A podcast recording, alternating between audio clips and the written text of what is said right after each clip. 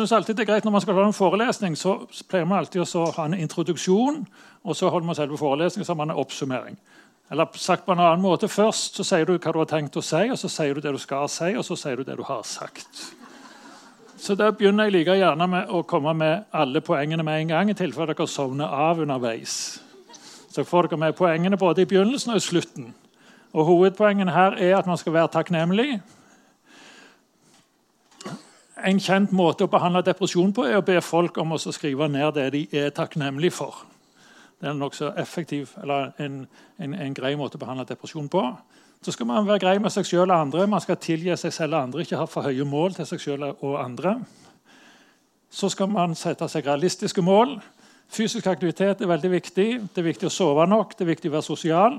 Så det er viktig å delta i frivillige aktiviteter. Sånn som Når jeg er her frivillig holder forelesningen her, så blir jeg mer lykkelig av det. Så det er kun derfor jeg gjør dette. Ikke, ikke for så mye annet. Man skal smile og le mye. Da blir man mer lykkelig av det. Penger. Blir man lykkelig av penger? Svaret er verken ja eller nei, men vi kommer tilbake igjen til hvor mye penger som skal til for å bli lykkelig. Det er mye mindre enn de fleste tror. Og så meditere så det her til slutt. Det betyr egentlig ikke at man skal meditere, som sådan, men tenke seg om, reflektere omkring ting. Det er mange måter å meditere på. Men det er i hvert fall de ti tingene man kan gjøre for å bli mer lykkelig. Og Så skal jeg gå gjennom hvordan vi kom der. Det jeg bygger på, er denne boken her som heter Science of Happiness'. Altså vitenskapen bak lykke. Så Jeg skal prøve å gjøre denne her forelesningen så kjedelig som mulig med å være vitenskapelig og kun holde meg til vitenskapelige ting. Det er veldig mange bøker man kan kjøpe eller låne på biblioteket. Selvhjelpsbøker hvor du blir lykkelig hvis du gjør ditt eller datt, hvis du spiser grovbrød hver dag. eller alle mulige slags ting man kan bli lykkelig av. De som har lagd bøkene, de blir jo lykkelige hvis du kjøper dem. Og biblioteket blir lykkelig hvis dere låner dem, men det er ikke sikkert det virker. Når man skal være vitenskapelig, så kreves det mer at man går gjennom større befolkningsundersøkelser. Det er det han har gjort han her. Da ser vi først på samfunnet. Hvordan i alle dager kan vi måle om et samfunn er lykkelig? Er det mulig å finne ut om samfunnet er lykkelig eller ei? Da kan vi tenke oss forskjellige mål på om et samfunn er lykkelig. Man kan se på andel av befolkningen i fengsel, f.eks. Eller hvor mange overdosedødsfall det er, eller hva selvmordsraten er. Man kan finne ut om folk er tilfreds med livet. Man kan se om sosiale ulikheter gjør at folk blir mer lykkelige eller ei. Man kan se på forventa levealder, og så kan man se på inntekt. Eller nasjonal, bruttonasjonalprodukt, som eh, er et indirekte mål for hvor mye folk jevnt over tjener. Her ser vi på andel av befolkningen i fengsel. Der leder USA klart. De har 2% av befolkningen i fengsel. På andreplass kommer Russland, og så Ukraina, Polen og nedover. Norge ligger veldig lavt der. Så det er hvor mange stor del av befolkningen som er i fengsel. Og her har vi òg en statistikk som går på overdosedødsfall. Igjen så ligger Nord-Amerika veldig høyt. De har jo denne opioidepidemien i USA. Som er vanligste dødsårsak til at amerikanere mellom 15 og 40 dør, er overdose av smertestillende medisiner. Det er spesielt de delstatene hvor Trump vant, hvor de dør av overdose av smertestillende medisiner. Så det er vel de som har det mest vondt, de som bor i de delstatene. Vi ligger ganske lavt i Norge på det. Så kan vi se på selvmordsrate i verden. Der er det eh, Norge ligger her på rødt. En, rett over ti selvmord per 100 000 per år. Neste forelesning jeg jeg skal ha her, handler om selvmord.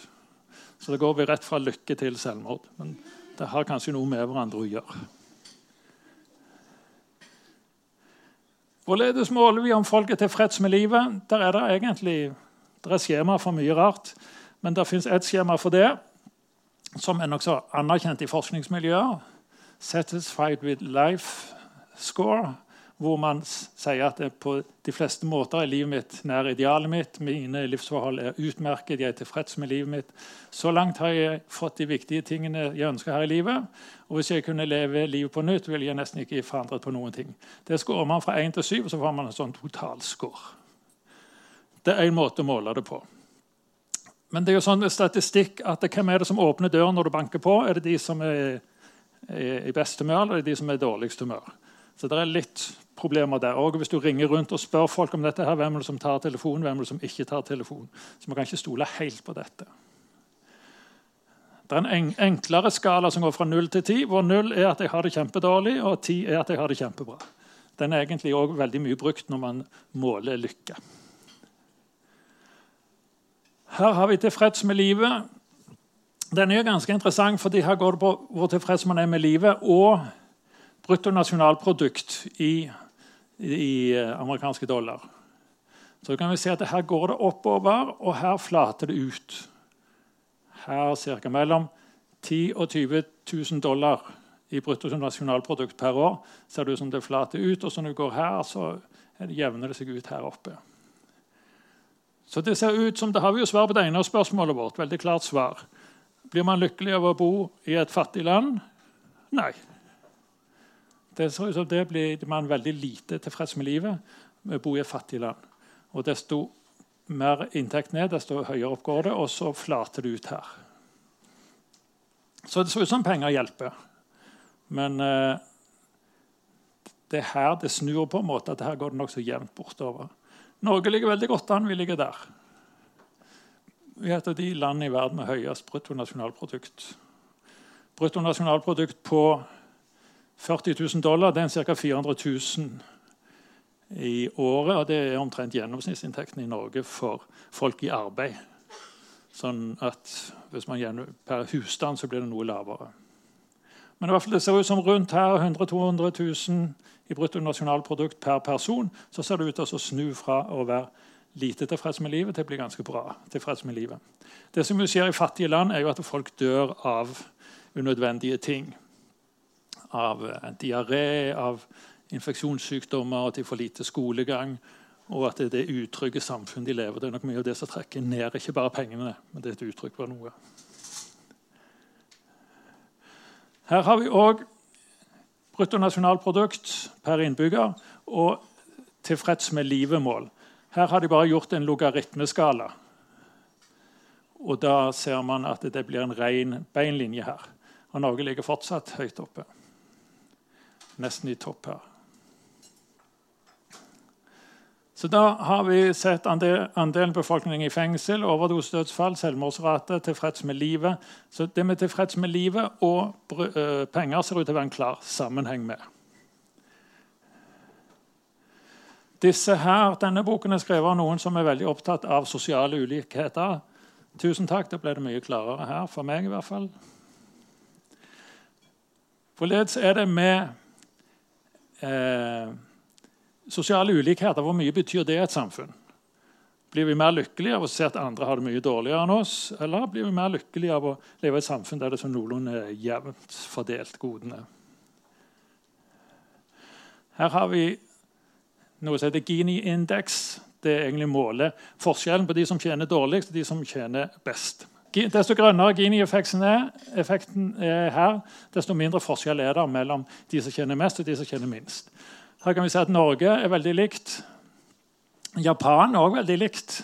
USA er et av de landene hvor det er mest ulikt på de som tjener mest og minst. Og i Afrika er det også veldig stor forskjell. Så Hvorledes er det der med sosiale ulikheter og eh, tilfreds? Altså, her har de målt noe annet, indeks for helse og sosiale problemer. Og Der ser det ut som om desto høyere forskjell man har i eh, inntekt, hvor USA leder Portugal og disse landene lenger nede, og her ser vi at Norge ligger veldig lavt.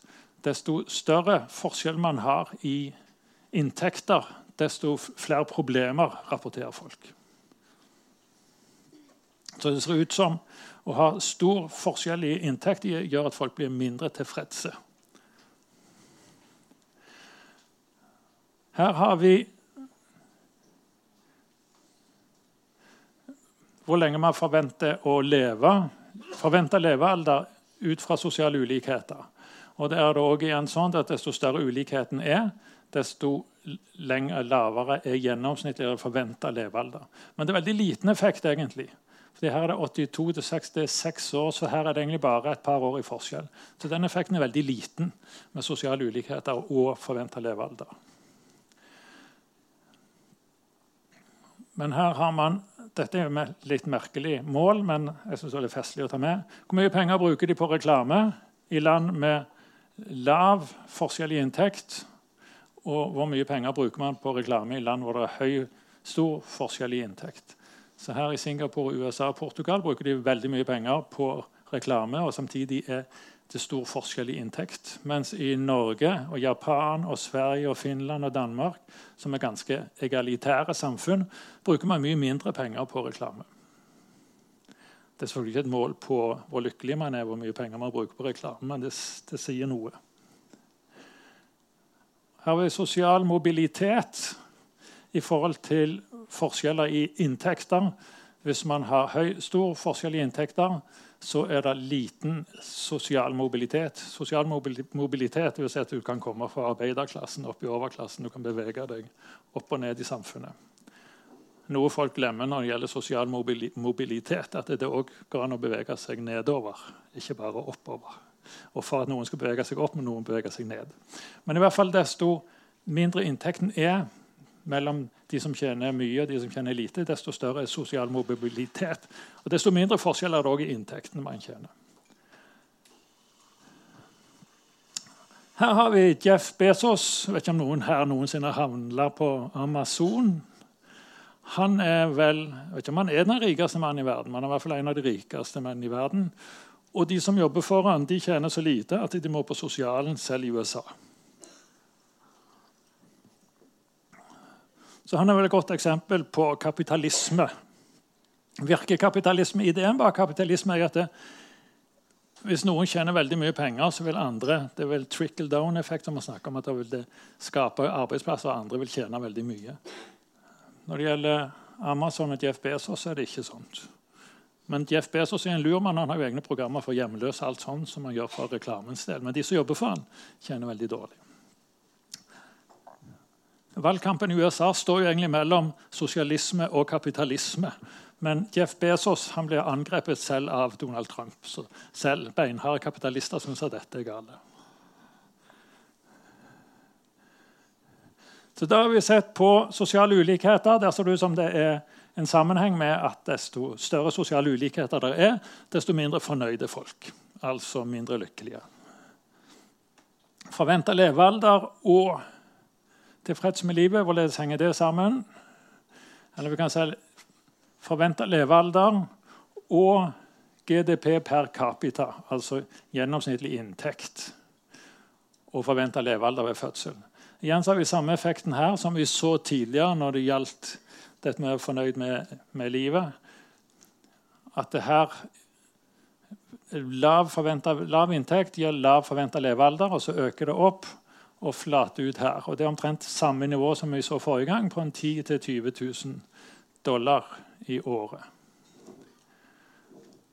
Så igjen forventa levealder og inntekt betyr ganske mye. Og igjen så er det samme forklaringen at man dør av mange unødvendige sykdommer i fattige land. Og så får man lenger forventet levealder. Denne kurven her er jo helt lik den vi så med, eh, tilfreds med livet og eh, bruttonasjonalprodukt. Så det er en klar sammenheng. Dette er det samme en gang til. Og det er igjen i dollar. Størrelsen på sirkelen er hvor mange innbyggere det er i landene.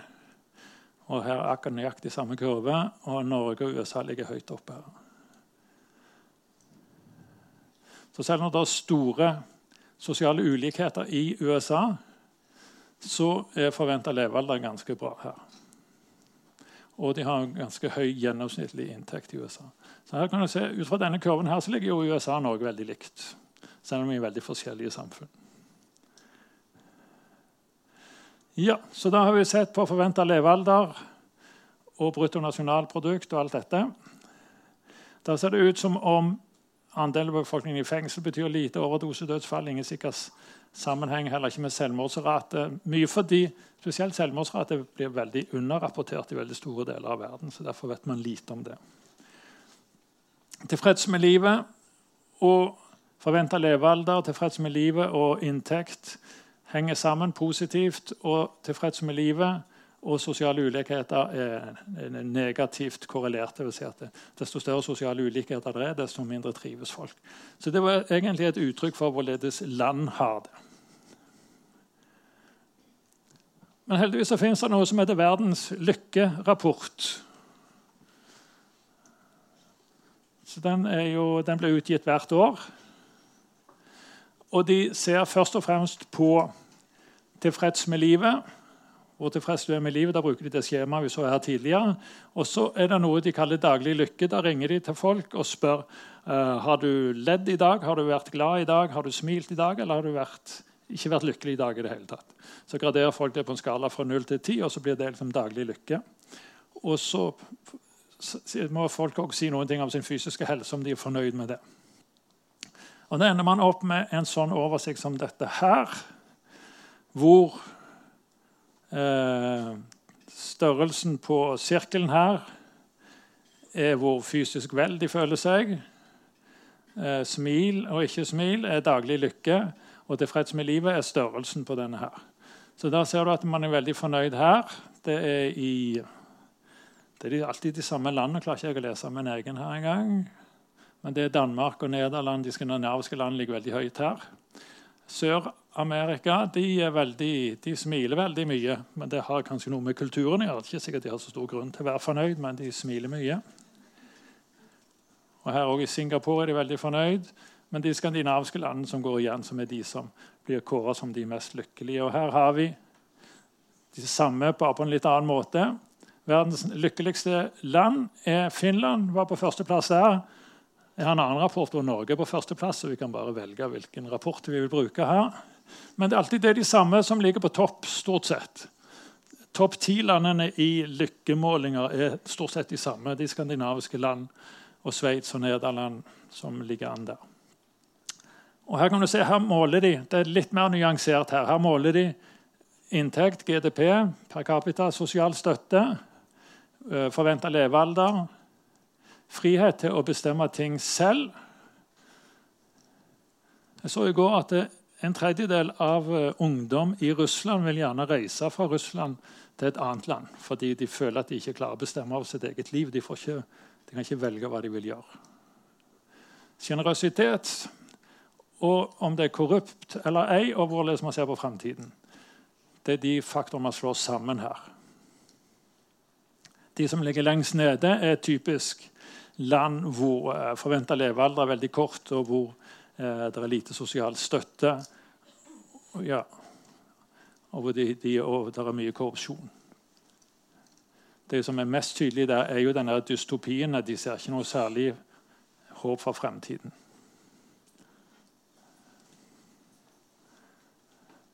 Og så har vi noe som heter Indeks for menneskelig utvikling.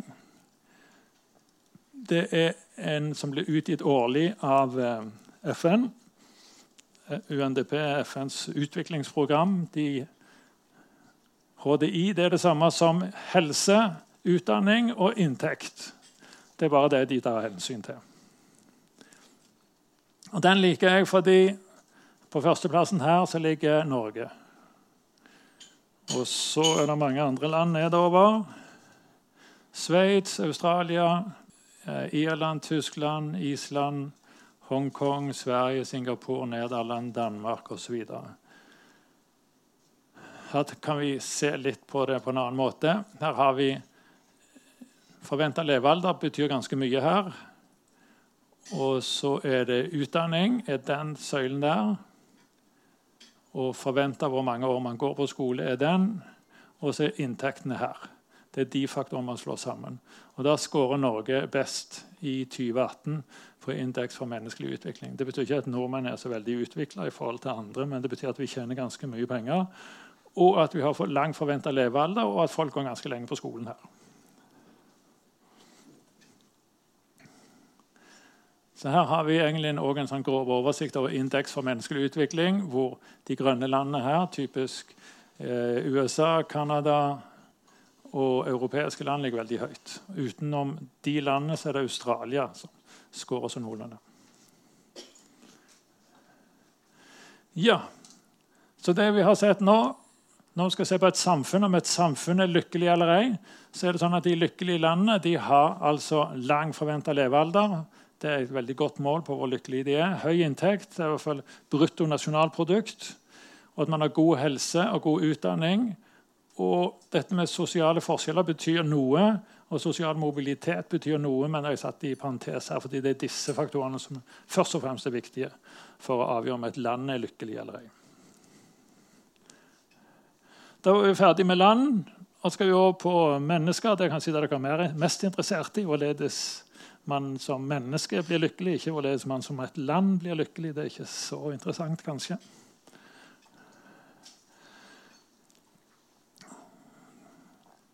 Har det skjedd noe Ja, ja, Der skal det stå 'lykkelig', i hvert fall.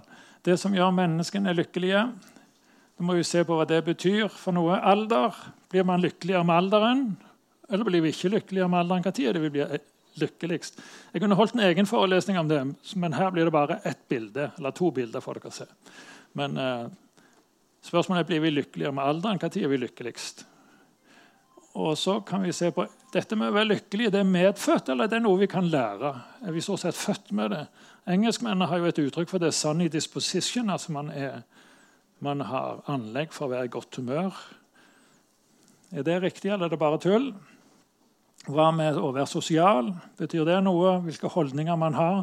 Penger? Blir vi lykkelige av penger?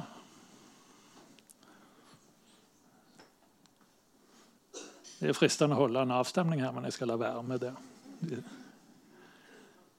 Fysisk aktivitet, hjelper det noe på å bli mer lykkelig av å være fysisk aktivitet?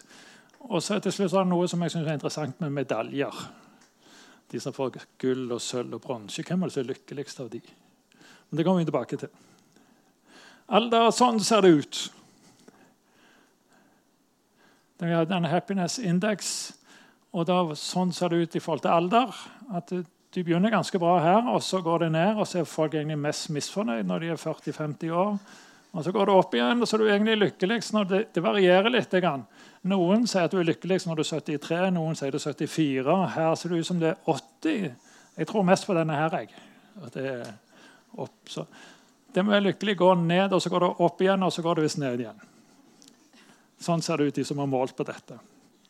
Vi kunne egentlig gått gjennom dette mer nøye, men eh, det har vi ikke tid til. Det må være en egen forelesning om det.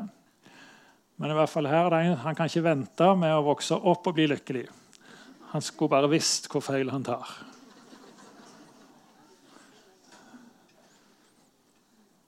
Ja, jeg har tidligere holdt en forelesning om depresjon. Da var det òg ganske mange som kom. Ikke fordi de har lyst til å være deprimert, men fordi de har lyst til å lære litt om det som man ikke skal være deprimert. Og jeg tenker Dette er jo det samme denne forelesninga heter 'Lykkelig', men jeg kunne jo gjerne kalt den 'Hvordan ikke være deprimert'. Eller 'Hvordan unngå å bli deprimert'. fordi det er det det handler om. Hva kan vi lære av folk som blir lykkelige? Hva er, det, hva er det de som er lykkelige, gjør som de andre ikke gjør? Så Hvorledes kan vi unngå å bli deprimert? Men jeg tenker 'Lykke' var en greiere tittel. Jeg foreslo lykke, 'lykkelig' også som en diagnose. fordi hvis du tar 'lykkelig' opp imot deprimert Når du er deprimert, så føler du deg nedstemt mesteparten av tiden. Men hvis du er lykkelig, da skal vi føle seg oppstemt og i godt humør mesteparten av tiden. Det er jo ikke naturlig. Og Når du er deprimert, så har du lite energi, alt er et ork, og du isolerer deg. Når du er lykkelig, så har du massevis av energi og tiltakslyst. Ja, I korte perioder, men ikke hele dagen. I hvert fall ikke i to uker. Sånn. Så det er heller ikke normalt. Og hvis du er deprimert, så har du ingen gleder over daglige aktiviteter. Og hvis du er lykkelig, så gleder du deg over mange ting hver eneste dag. Og Hvis du er deprimert, så spiser du og sover lite, du ser mørkt på framtiden og bereider deg selv engstelige selvmordstanker. Hvis du er lykkelig, så sover du og spiser godt, ser lys på framtiden, har god tro på egne evner, avslappet, ingen bekymringer. Det er heller ikke normalt.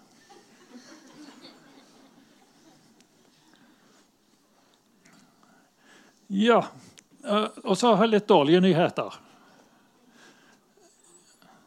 Og det er at man regner med at lykke, det å være lykkelig og være i godt humør og alt sånt noe, der betyr genetikken dessverre ganske mye. 50% Men man bør ikke bli helt fatalistisk av det, fordi det er ganske mye du kan gjøre sjøl. 40% kan du gjøre sjøl, og så regner jeg med at ytre omstendigheter er 10% Så at du kan gjøre veldig mye sjøl. Kan nesten doble hvor godt humør du er i. Hvorledes i alle dager har de funnet ut dette her? Ja, her igjen så har vi en som sier at det var dumt at jeg brukte så mye tid og penger på å skaffe meg alle disse eiendommene. når jeg visste. For de visste ikke at du var født lykkelig eller ikke lykkelig. så det betyr ingenting. Men i hvert fall det er en, en det er dr. David Lykken. Jeg syns det er så festlig navn han har. Og Dr. David Lykken han uh, var i Midtvesten, og da undersøkte han 100 tvillingpar som ble adoptert bort ved fødsel. 100 tvillingbarn, tvillingpar. Det blir vel et par hundre stykker i alt. Det Det var identiske tvillinger som ble adoptert bort ved fødsel. Og så så han, og De vokste opp under helt forskjellige omstendigheter, og så så han hvorledes det gikk med dem. Og hvor, hvor, stor forskjellen var i hvor lykkelige eller ikke ulykkelige de var. Og Da fant han ut at de hadde mye mindre variasjon enn det man skulle forvente ut fra normalbefolkningen. Og Ut fra det så konkluderte han med at ca. 50% av det med å være lykkelig eller ikke lykkelig er bestemt ut fra genetikken. Så det er litt dårlige nyheter, men det betyr ikke at man ikke kan gjøre noe med det. Det er Noen som er mer optimistiske enn andre, og mye av det er medfødt, men det går an å lære mye av dette her òg. Så det er ganske mye vi kan gjøre noe med. Det er de røde greiene der. Handlinger og tanker som vi kan gjøre noe med. Og det vi kan gjøre noe med, det er dette her med å være takknemlig og sette pris på det man har.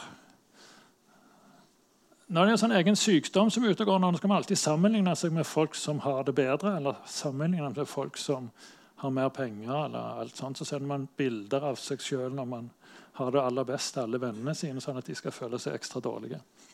Men eh, her skal man være takknemlig for det man har. Og så er det viktig å tilgi seg selv og andre. Og så må man sette seg mål, konkrete og realistiske mål. Ikke sånn at alle skal bli best hele veien, alle skal bli en einer, alle skal vinne. Men være realistisk, ikke sette altfor høye mål. Fysisk aktivitet vet vi hjelper. Nok søvn er viktig. Vær sosial, vær sammen med andre. Eller som Per Fugelli sa, ikke vær en ener, vær en del av flokken din. Vi kommer tilbake til han. Frivillig arbeid er veldig fint.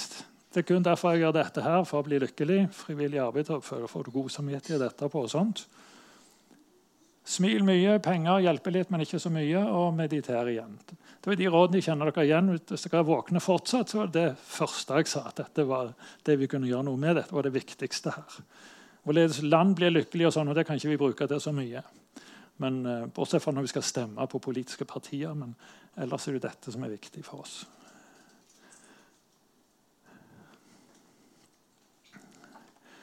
Skal vi se Ja. Her, Verdens helseorganisasjon regner med at i 1990 har vi 416 millioner deprimerte mennesker i verden. Og i 2013 så var det økt til 615. Og det ser ut som dette med depresjon øker. Og Det som er nytt nå, er at det ser ut som depresjon og angst øker blant ungdom. Og I Sverige så har de registrert en klar økning i selvmord blant unge kvinner mellom 15 og 25. Så, så angst og depresjon øker blant ungdom. Det er nytt. Det er litt uklart hvorfor det er sånn. Er det fordi vi registrerer det annerledes, fordi folk er mer åpne, eller er det en reell ting som skjer? Men det ser ut som noe nytt skjer som man ikke har registrert før. Da kan vi først se på ensomhet. Ja, Der står det mye på engelsk. Men konklusjonen har jeg oppsummert her. at Mangel på sosial støtte er like helsefarlig som å røyke 15 sigaretter daglig.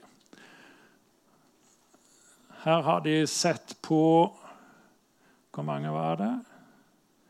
Ja, 300 000 mennesker var inkludert i denne her analysen. og Det var 150 forskjellige studier de har slått sammen. Dette er metaanalysen når du slår sammen mange studier. Det er mange som tror du skal se på enkelte undersøkelser, men det går an å finne enkelte undersøkelser som støtter alt mulig, så du må bruke mange studier og slå de sammen og lage en metaanalyse. Det er den tryggeste måten å få vite noen ting sikkert om. Jeg har jo lovt jeg skal gjøre dette så kjedelig som mulig så vitenskapelig som mulig. Så kan jeg holde oss til det vi kan måle, som vi vet litt om. Sånn ser det ut med altså hvor, hvor helseskadelig det er å være isolert. Det var en liten skjerm her og så litt dårlig oppløsning. alt sånt, så går ikke an å se. Så jeg kan få ta mitt ord for det. De har sammenlignet med mange forskjellige faktorer her og sett at og mangel på sosial støtte og å være enslig eh, fører til en forkorta levealder på lik linje med å røyke 15 sigaretter daglig. Og det er ganske målbart. Har du 15 sigaretter daglig, og så her har du det med å være ensom. Og så er det noe som heter Happiness Research Institute. Det er i Danmark, i København. Lykkeforskningsinstituttet. De har gjort noe som heter Facebook-eksperimentet. Det likte jeg veldig godt. Det, ja, det er litt vitenskapelig, men ikke så veldig. Det de gjorde, var at de tok en del dansker, rett over 1000 dansker, og så sa de til dem de, de skulle være dansk, og så skulle de bruke Facebook hver dag. Og så fikk halvparten av de beskjed om at nå skal dere ta ei uke uten Facebook. Mens dere andre skal bare fortsette som før. Og Da viste det seg at det er de som de som slutta med Facebook Etter ei uke så var 88% av de lykkelige, mens bare 81% av de andre. Så det er en forskjell på 10% etter bare ei uke. Og de satte pris på livet sitt. 84% av de som ikke hadde brukt Facebook på en stund og på en uke. Og de andre. Og sånn som på andre mange faktorer så, så det ut som at det hjalp veldig på å bli mer lykkelig. Hvis de slutta med Facebook ei uke, så ble de lykkelige. Og det er jo spørsmålet, Hva kan vi bruke det til? Dette var bare en tusen dansker. De er ikke helt sånn som oss, er de det? Og de hadde bare slutta med Facebook i ei uke, så ja Kanskje det er fint å ikke bruke Facebook i ei uke, men det er ikke sikkert folk blir mer ulykkelig av Facebook og sosiale medier.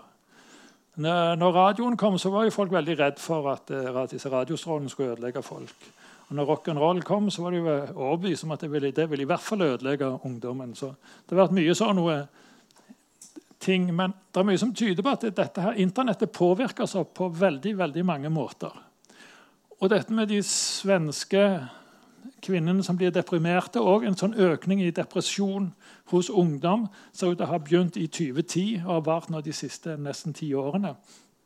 Og Hva er det som har skjedd i løpet av de ti årene samtidig? Jo, det er en utstrakt bruk, en mye større utstrakt bruk av Internett og sosiale medier. Det kan være en sammenheng, men det er slett ikke sikkert. Dere har sikkert hørt om historien om radioapparater og tannråte i Norge under krigen. Da blir jo alle radioapparatene inndratt av tyskerne, og tannråte er kraftig ned. Så da kan vi si at det skyldes tannråte radioapparater. Det er kanskje samme logikken her. Men det ser ut til å være en sammenheng. Man blir ikke mer lykkelig av å sammenligne seg med andre. ser det ut som. Ja, De målte det samme, tilfreds med livet. Ja, Den var vanskelig å lese. Men uh, det de fant ut, var at i Skandinavia så er uh, unge mennesker mellom 18 og 23 er de som har det vanskeligst, de som sliter mest. Da brukte de denne her skalaen, tilfreds med livet-skalaen som vi var borti tidligere. Den så annerledes ut hjemme, denne her, det gjorde han, men uh, det har skjedd noe med formateringen. Unge til, mellom 18 og 23 er de som har det, ser ut som har det verst. Og dette er målt i Skandinavia, altså Sverige, Danmark, Finland og Norge. Og når det gjelder generell helse, så var generell helse det som plagde de mer. Vi hadde trodd det skulle være mental helse kom på førsteplass, men det er det ikke. Generell helse var det som plagde ungdommen mest. Og så Dessverre så fant de ut noe som jeg ikke liker det er ofte sånn når man skal se på folk som forsker, sånt, at de fant ut at høy inntekt beskytter mot å bli deprimert. Nå har jeg sagt det motsatte. at det, er ikke er litt, men ikke så mye. Men effekten der kan jo være at de med høy inntekt samtidig er de som har høy utdanning i de skandinaviske landene. Fordi I USA har man jo sett på milliardærer og alt sånt, og de er ikke mer, milliardærer er ikke lykkeligere enn millionærer. Så det er ikke der det ligger. Men i hvert fall her i Skandinavia ser du som høy inntekt beskytter. Eh, sosial isolasjon er spesielt for menn. Og så er det òg noe jeg ikke liker her. og det er at De som er veldig religiøse, er lykkeligere. Men eh, forklaringen på det er, henger vel litt sammen med det som jeg kalte mediter, nemlig at eh, religiøse mennesker har en mening med livet. Og det er kanskje noe av det viktigste, at man har en mening. Om det nå er religion eller andre ting, men det er viktig å finne en mening i livet. Så Derfor tror jeg at disse folk som er veldig religiøse, skårte best på denne her testen i Skandinavia. Her har vi noe Det var i avisen her forrige uke. var det det? To uker siden, kanskje. Studentenes psykiske helse kraftig forverret. I 2010 svarte én av seks at de hadde alvorlige psykiske symptomplager. I 2018 svarte én av fire. Altså studentene har fått det verre. Hvorfor har studentene fått det verre? Er det fordi de er flinkere til å gi beskjed, eller har det skjedd noe? Da er vi kanskje inne på, Jeg nevnte Per Fugelli. Han kalte disse for generasjon prestasjon. Nå døde jo Per Fugelli for et år siden, men han var jo en, kanskje den mest markante norske sosialmedisiner. Sosialmedisin er jo hvorledes samfunnet påvirker folks helse. Og Han kalte disse her for generasjon prestasjon. De er opptatt av trening, utseende, kosthold, utdanning, økonomi. Alt sammen veldig sunne, greie interesser, men det kan bli for mye. Kanskje er det litt for mye. Så Derfor så anbefalte Per Fugelli at man skulle vise fingeren. Og mente at man hadde litt feil holdninger, at man kanskje skulle senke skuldrene, ta det litt rolig, og rett og slett gi litt mer faen, som han sjøl sa.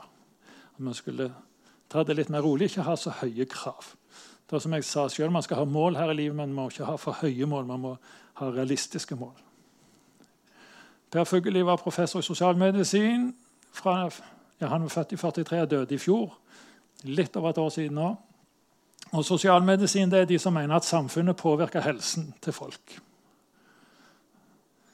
Og Det har vi jo sett tidligere med sammenheng mellom inntekt og levealder. alt dette.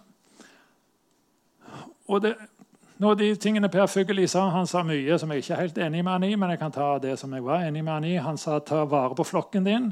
Ikke være en ener, være en del av flokken. altså være en del av fellesskapet. Om flokken nå er familien din, om det er nære venner, eller om det er arbeidsplassen din, eller hvor det er, så vær en av Vær en i flokken. Du skal ikke nødvendigvis være mye flinkere enn alle de andre, men vær en av flokken. Og så du er god nok som du er. Altså ikke streve mot å bli perfekt.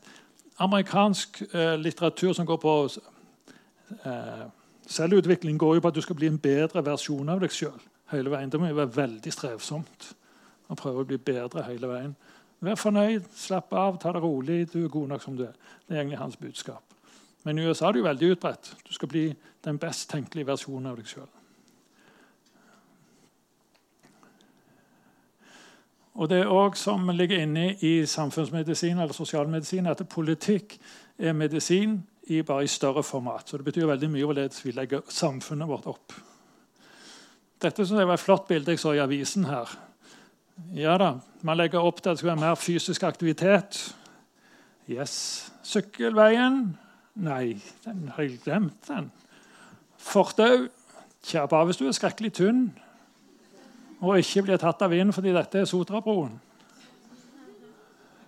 Så folk på Sotra de skal altså kjøre bil. De skal sykle kun hvis de er lei av livet. Og gå bare hvis de er skrekkelig tynne eller veldig små. Så det, det har man jo politikerne lagt opp til. at det, det er ikke noe vondt av folk som bor på Sotra. Det er helt i orden. Men eh, det er jo de som har planlagt dette her, som det er noe galt med, tenker jeg. Så det Per Fugelli sa, få et bedre liv. Vi må godta vår smerte og forandre det vi kan, og le av resten. Og gi litt mer blanke i ting. Ikke ta ting så alvorlig og høytidelig. Og ikke prøve å bli best i alt. Vær en del av flokken og ikke prøve å bli best. Og der du her Det er noe man kaller flyt. Flyt er egentlig når du har det sånn som dette her, at du eh, Mestringsevnen din og utfordringene passer sammen. Det er her. Det med å gi litt mer blanke, da tenker Per Fugelli på disse som er her oppe. Som prøver å prestere mye mye mer enn det de egentlig mestrer og de blir engstelige, stressa og får det dårlig. Senk skuldrene og så kom ned her i den sonen her hvor du har det best. Du kan ha en kjedelig jobb eller kjedelige oppgaver òg. At man har for lite utfordringer. rett og slett. Så da må man prøve å få litt mer utfordringer. Så denne grønne sonen her, der må man trives, hvor mestringsevnen og oppgavene passer overens. Men hvis alle skal bli best her oppe Hvis det er her man begynner, så blir det jo veldig vanskelig når mestringsevne her nede. Så Per Fugelli mente at man ble syk av å leve opp til forventningene andre har av deg. Senk skuldrene og slapp av. Og Det er ikke bare han som har tenkt på dette. her, Det er andre også som har skrevet det er mange bøker nå som kommer på engelsk. At man skal begynne å gi litt mer blaffen. Ikke bry seg så mye. Det er litt bølge mot denne her selvforbedringslitteraturen at alle skal bli så perfekte. Og så er det dette med holdninger. Dette er Simon Sinek. Han er vel nokså berømt for en sånn, eh, Hvis folk ser på YouTube, og sånn, så hadde han noe som heter 'Millennials in the Workplace'. Han sa noe om hvorfor ungdommen er så bortskjemt og elendige og ikke kan jobbe. og alt dette her. Og han sa at et team det er ikke en gruppe mennesker som jobber sammen. Det er en gruppe mennesker som stoler på hverandre. Og Det han mente var galt med ungdommen i dag, det var at foreldrene hadde sagt at du kan bli hva som helst. Og i barnehagen når de har løp, sånn, så får alle medaljer. Livet er jo ikke sånt. Og Alle er like gode, alt er bra, men sånt er det ikke. Og, og at foreldrene sier at du kan bli hva du vil i vår verden. Det er jo ikke egentlig sånt. Det er mange grenser for hva du kan bli. Teknologi, da spesielt med telefoner og data, alt dette her, som fører til at folk kanskje blir mer utålmodige. Man er ikke så flinke til å være tålmodig som eh, man var før når man leste bøker, og hadde bedre tid. Og miljøet rundt en i dag, arbeidsplassene, er jo sånt i Norge i dag at hvis ikke du kan engelsk og beherske data, og så burde du jo fått 50 uføretrygd med en gang. fordi det er nokså strenge krav til hva man skal kunne i dag. Ja, men det er vanskelig. Så han her var ganske negativ til ungdommen og mener at det er et eller annet galt med ungdommen. Eh, Plinius den eldre han skrev noe lignende han 300 år før Kristus om at ungdommen er late. De driver ikke så mye med idrett som de gjorde i min ungdom. og De sover lenge om morgenen og de spiser for mye, og de er late. Så Kanskje er det et uttrykk for en sånn pessimisme om ungdommen, men kanskje har han noen poeng òg. Ja, det er det som gjør menneskene lykkelige. Alder det var ikke noe sånn sikkert der. Det, det gikk jo svaret nedover, og så oppover og så nedover igjen.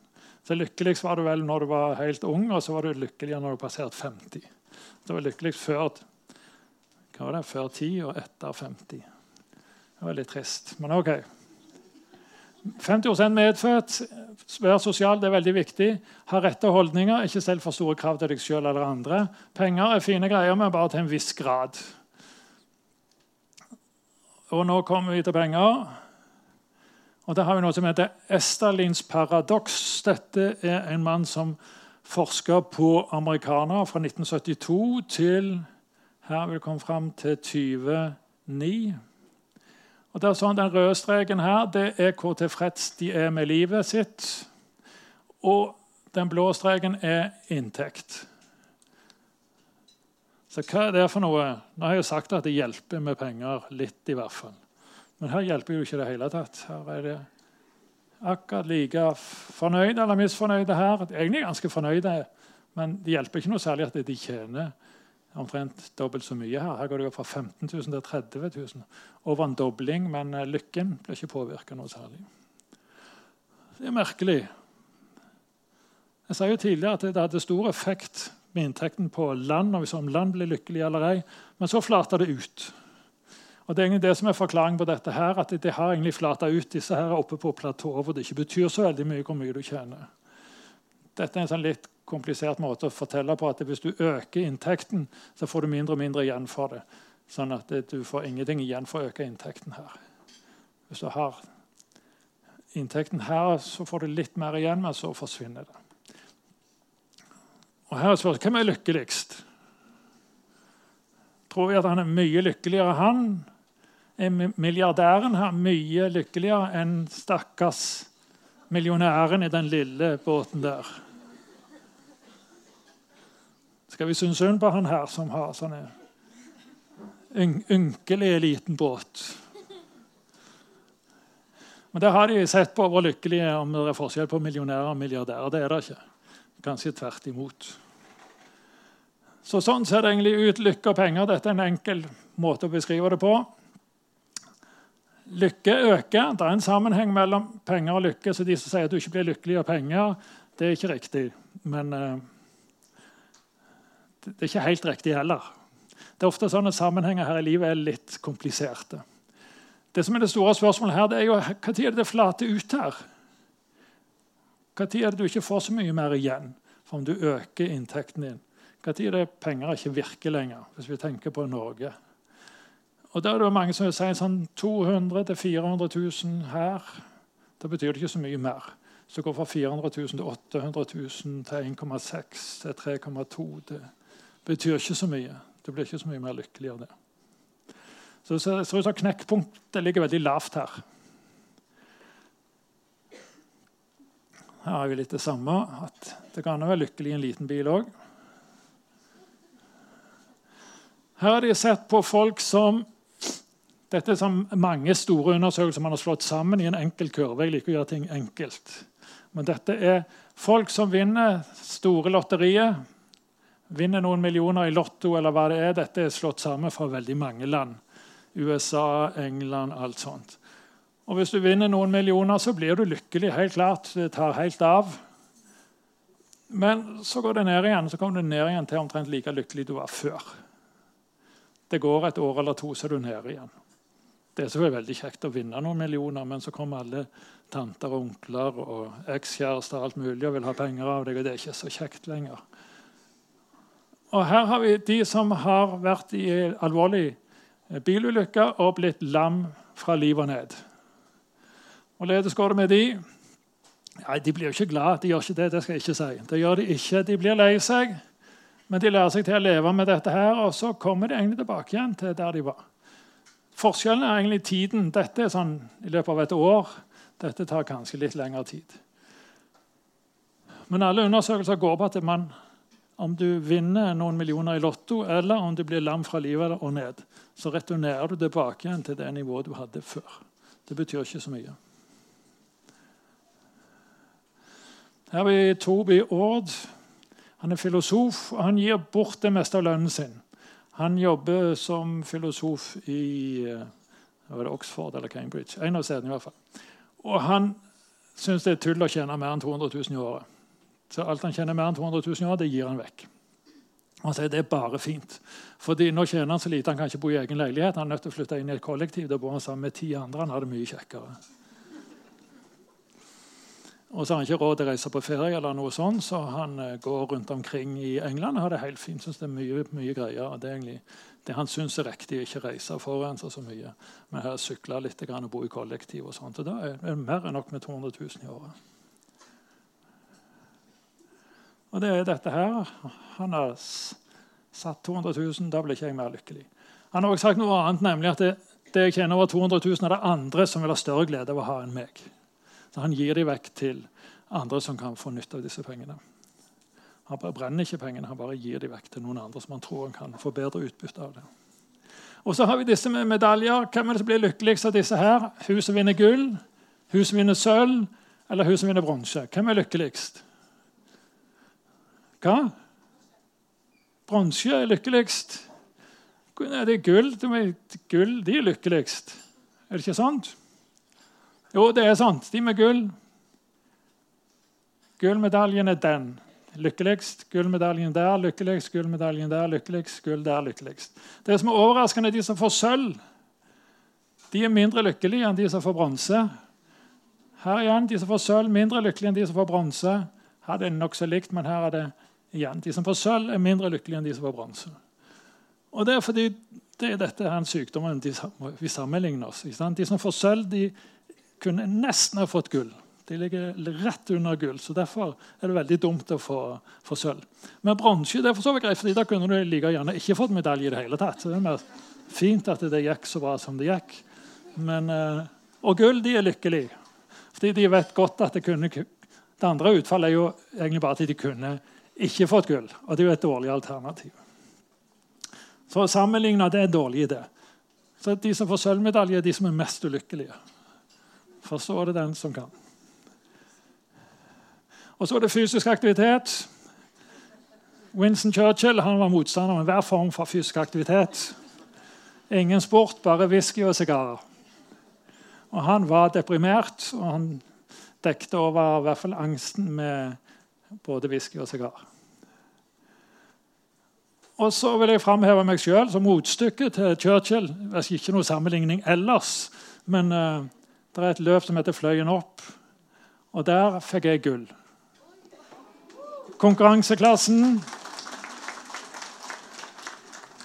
Konkurranseklassen Dere klappet altfor tidlig. Men så står det her Hva står det for noe?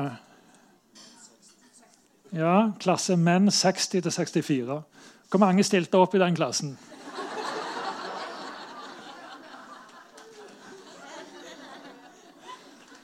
Så du kunne gjerne ha sagt jeg ble sist i stedet for. Så man har det veldig ofte sånn som man tar det. Hvis du ser her på alle, ikke bare for menn i alder 60-64, så havner jeg på plass 109. Og det høres jo ikke så verst ut, det heller.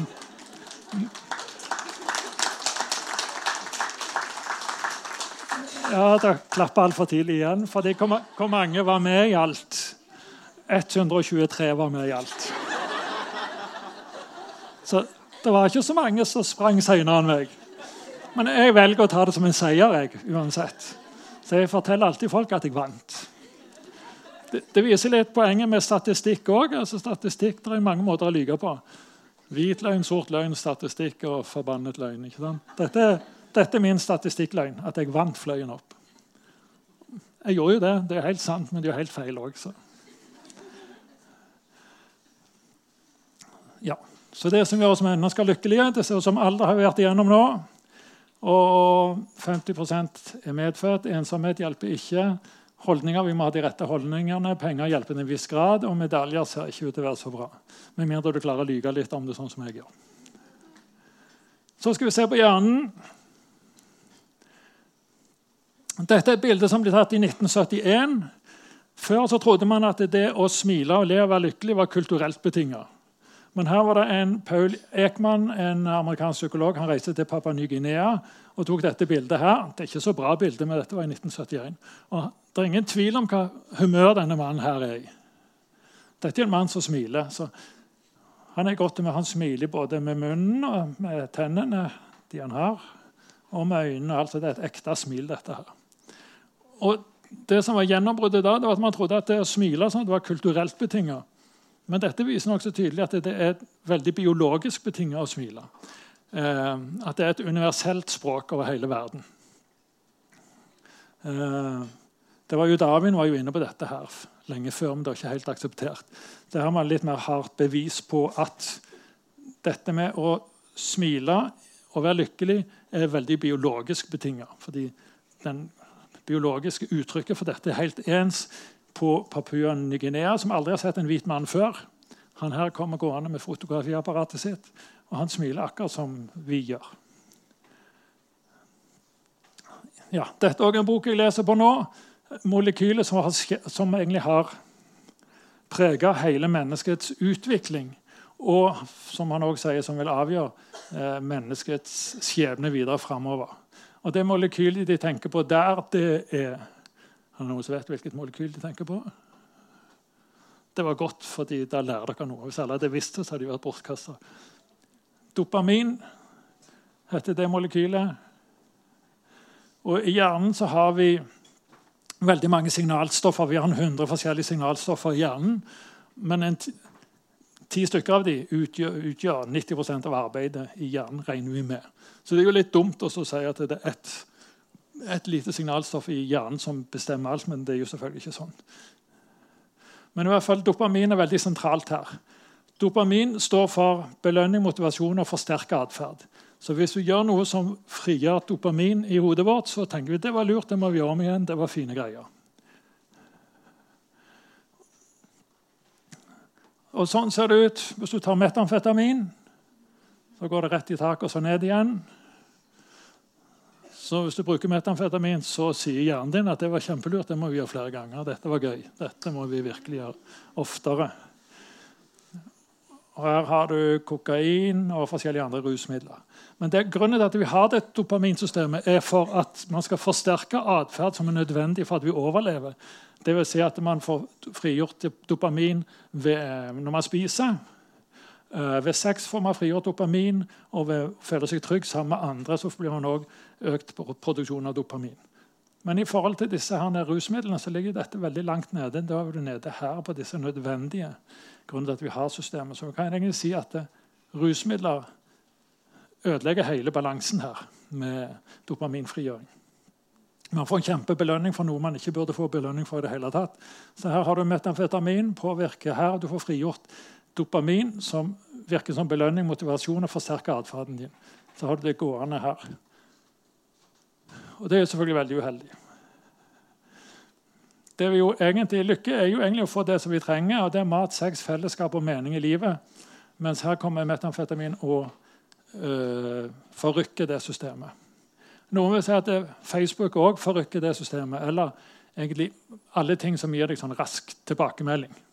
Sånn som mange ting, sosiale medier på internett og spill på internett. og alt sånt. Så Derfor man snakker om internettavhengighet eller spillavhengighet. er fordi at man ved, ved, mange av disse her får frigjort til dopamin i en liten dose i hjernen, og så forsterker det atferden. Så der var vi kommet til veis ende. Vi har sett på hva samfunn, mennesker og hjernen har å si for lykke. Og det vi kan måle når det gjelder lykke, er jo forventa levealder, bruttonasjonalprodukt, sosiale relasjoner, tilfreds med livet, utdanning og penger. betyr alle sammen noe for, uh, for lykke. Og det vi kan gjøre noe med, er våre holdninger. At man skal være takknemlig, tilgi seg selv og andre. Man skal ha realistiske mål, fysisk aktivitet, hjelpe, god søvn, være sosial, frivillige aktiviteter, smile, le, penger, hjelpe til en viss grad. Nå forstår dere mer hvor mye penger som hjelper, ikke hjelper. Og meditere eller mening med livet. Neste gang, 15. oktober, så skal det dreie seg om selvmord. Men det henger litt sammen dette med lykke og veldig dyp ulykke. Så kommer det bli en tråd som henger videre her. Ja, men da vil si Takk for oppmerksomheten og frammøtet.